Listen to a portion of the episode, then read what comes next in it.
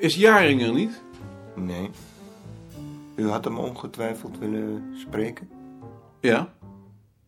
Ik denk niet dat hij vandaag nog komt. Waar is hij naartoe? Hij is gisteren op opneming geweest. Dat weet ik, maar daar was, daar was ik bij. Dan weet u vast ook al of het laat geworden is. Elf uur, dat wil zeggen, ik was om elf uur thuis. Dan komt hij vandaag niet meer. Zullen wij je en jij tegen elkaar zeggen?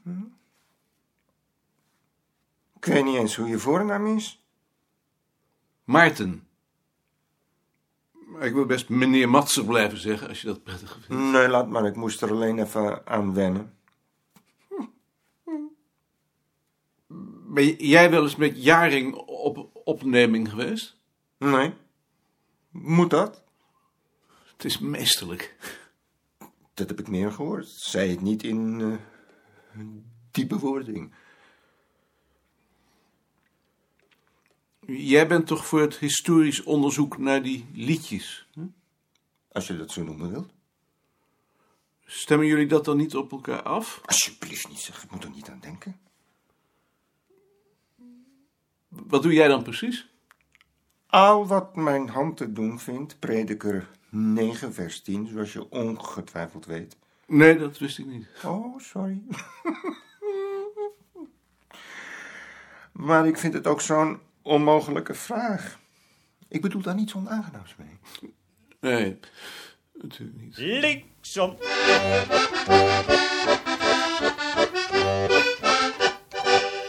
Bent u hier nieuw? Ja? Ik ben koning. Oh ja. Ik ben goud. Wat een betrouwbare naam. Ja, zegt u dat wel, ja. Bent u hier al lang? Morgen drie weken. Ik werk bij meneer Balk. Ik werk ook bij meneer Balk. We werken allemaal bij meneer Balk. Oh, zo. Ja, zo had ik het nog niet bezien, maar dat is natuurlijk zo. Wat doet u daar? Ik schrijf woorden op lijstjes. Is dat leuk werk? Ja, ik vind het heel interessant. Er zijn vaak heel interessante woorden bij. Het zullen toch wel namen zijn? Ach ja, natuurlijk. Namen. Ja, namen natuurlijk. Geen woorden, nee. Goed dat u dat zegt. Namen kunnen ook interessant zijn. Jazeker. Namen kunnen heel interessant zijn. Goud bijvoorbeeld. ja, dan zegt u zo wat. En waar werkt u? Ik werk op de afdeling volkscultuur. Oh ja, Dat is in de achterste kamer. oh ja. Ja, daar ben ik nog nooit geweest natuurlijk. Dat komt nog wel. Ja, dat komt nog wel. Morgen En? Hoe was het in Friesland? meesterlijk. Elshout komt zo'n huis binnen, gaat zitten, kijkt zo'n vrouw vriendelijk aan en dan begint ze te zingen. Of ze wil of niet. Totaal gehypnotiseerd. Ja, Als dat zo is, dan vind ik dat toch iets akeligs hebben. Ach, wat nee. Het gaat er toch om dat je die liedjes op de band krijgt. Als zo'n mens straks dood is, dan zijn ze weg. Maar toch vind ik het iets akeligs hebben. heb jij dit weekend nog gewandeld? Jazeker. Waar? Ik heb de Lambrechtskade weer eens verkend. Bij Vreeland. Iets ten zuiden van Vreeland. En? Ik moet zeggen dat ik een paar aardige waarnemingen heb gedaan. Meneer de president, wel te rusten. Slaap maar lekker in je mooie witte huis.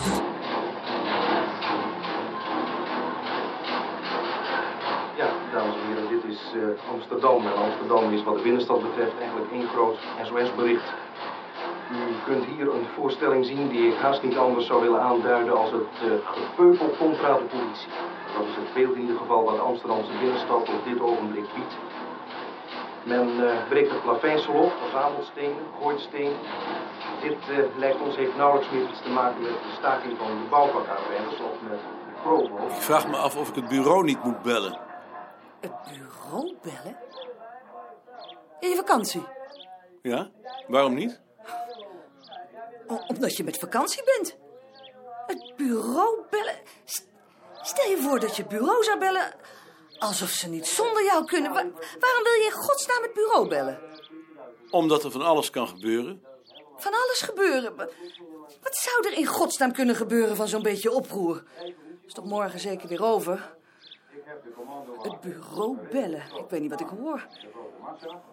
D- Denk je nou werkelijk dat ze in jouw bureau een beetje met elkaar gaan vechten? Tussen die kaartenbakken zeker. Alsof ze geen betere plek kunnen uitzoeken. Je kan toch brand uitbreken? Het bureau is daar vlak om de hoek. Brand uitbreken? In je bureau? Nou, dan breekt er brand uit. Dan ben je meteen van het rotbureau af. Laat er maar rustig brand uitbreken, hoor. Er is heus niks aan verloren, aan die paar fiches. Daar hoef je geen traan om te laten. Dat is natuurlijk onzin. Als de boel verbrandt, dan kan ik weer helemaal overnieuw beginnen. Nou, dan begin je overnieuw. Ook erg. Of je nou het een doet of het ander. Dat doet er toch helemaal niets toe? Dat doet er natuurlijk wel toe. En wat wou je dan doen als er brand uitbreekt? Wou je die dan soms in je eentje gaan blussen? Denk je dat jij die dan blussen kan? En dat die niet geblust wordt als jij er niet bij bent? Laat me niet lachen. Wees nou een beetje normaal. Het is gewoon dat ik me verantwoordelijk voel. Nou, dan voel je je maar eens niet verantwoordelijk. Je voelt jou veel te veel verantwoordelijk. Je bent in staat om met dat verantwoordelijkheidsgevoel van jou je hele leven te verpesten. En het mijne erbij. Dat idiote verantwoordelijkheidsgevoel altijd, alsof er geen belangrijkere dingen in de wereld zijn dan het bureau. Denk maar liever aan je vakantie. Aan de vakantie van moeder en van mij. Dan aan zulke idiote dingen als brand. Brand, het idee alleen al is echt weer iets voor jou om als je met vakantie bent aan brand te denken. Ik betreur bijzonder de gebeurtenis die gisteravond gebeurd zijn. Toen ik thuis kwam, ik was om kwart over negen even het huis uitgegaan. Toen kreeg ik berichten over de grote festpartijen die hadden plaatsgevonden. Een grote opwinding. Ik heb toen met de wethouder De Wit gesproken, die met de mensen op het stadhuis gesproken heeft. En ik vind het natuurlijk een ellendige zaak wat gebeurd is. Er zal een onderzoek Eens worden kijken. ingesteld. We zullen in de loop postbode. van de ochtend wel horen wat de doodsoorzaak geweest is van de ene man die daarbij overleden Een is. brief van Balk. Balk? Maarten, ik hoor van Asjes dat je in Wapenveld zit. Kun jij even naar het dorp gaan en bij een autochtoon informeren hoe ze daar euvelgunnen uitspreken? Let vooral op of het euvel of euver is. Dat is belangrijk. En wil je mij dat even telefonisch laten weten? Het heeft haast. Jaap. Ik hoop dat deze week leidt tot een verbroedering van de arbeiders in Amsterdam en de provo's. En dat die niet door allerlei eh, valse beschuldigingen van kanten eh, door krasje worden. Niet te veel van al die dode mensen. Droom maar fijn van overwinningen van macht. Denk maar niet aan al die vredeswensen, meneer de president. Slaap zacht. Eerst hoorde je in de verte een zacht mompelen, zoals je dat in boeken wel leest. Waar stonden jullie dan? Bij de voordeur. Allemaal? Dat weet ik niet meer zo precies. Ik was er ook bij. En Balk en Wichtbot en de fluiter. Meneer Slofstra was er ook bij. Tuurlijk. En toen? Je hoorde dat mompelen langzaam dichterbij komen, terwijl het in onze straat heel stil was. Doodstil. Er was niemand op straat, net als voor een onweer. Ja, verdomd. Daar leek het op. Maar hoe wisten jullie dan dat ze eraan kwamen? Weet jij dat nog? Wichtbot kwam ons waarschuwen. Ja. Die had het geloof ik gehoord dat ze op weg waren gegaan. Verder? Je hoorde dat mompelen dichterbij komen en toen ze vlak bij de hoek van de Antonie Breestraat waren, hoorde je ook hun schoenen. Bouwvakkers hebben van die grote schoenen. En jullie stonden in de deuropening. Of stond je op straat? Zo half en half. Meneer Balk stond voor ons. Prachtig. En toen kwamen ze de hoek om, over de hele breedte van de straat, met een paar van die enorme kerels voorop. Het van die stierennekken. Het was heel dreigend, vooral omdat er niets gezegd werd. Je hoorde alleen dat mompelen en dat stappen van die schoenen vlak voor ons langs, terwijl er achter hen steeds meer de hoek om kwamen. Hoe lang duurde het wel niet? Nou, toch zeker twintig minuten? Als het niet meer is. In ieder geval waren het er duizenden. Ik heb wat gemist. Terwijl dat nu eigenlijk pas echt volkscultuur is. Verdomd.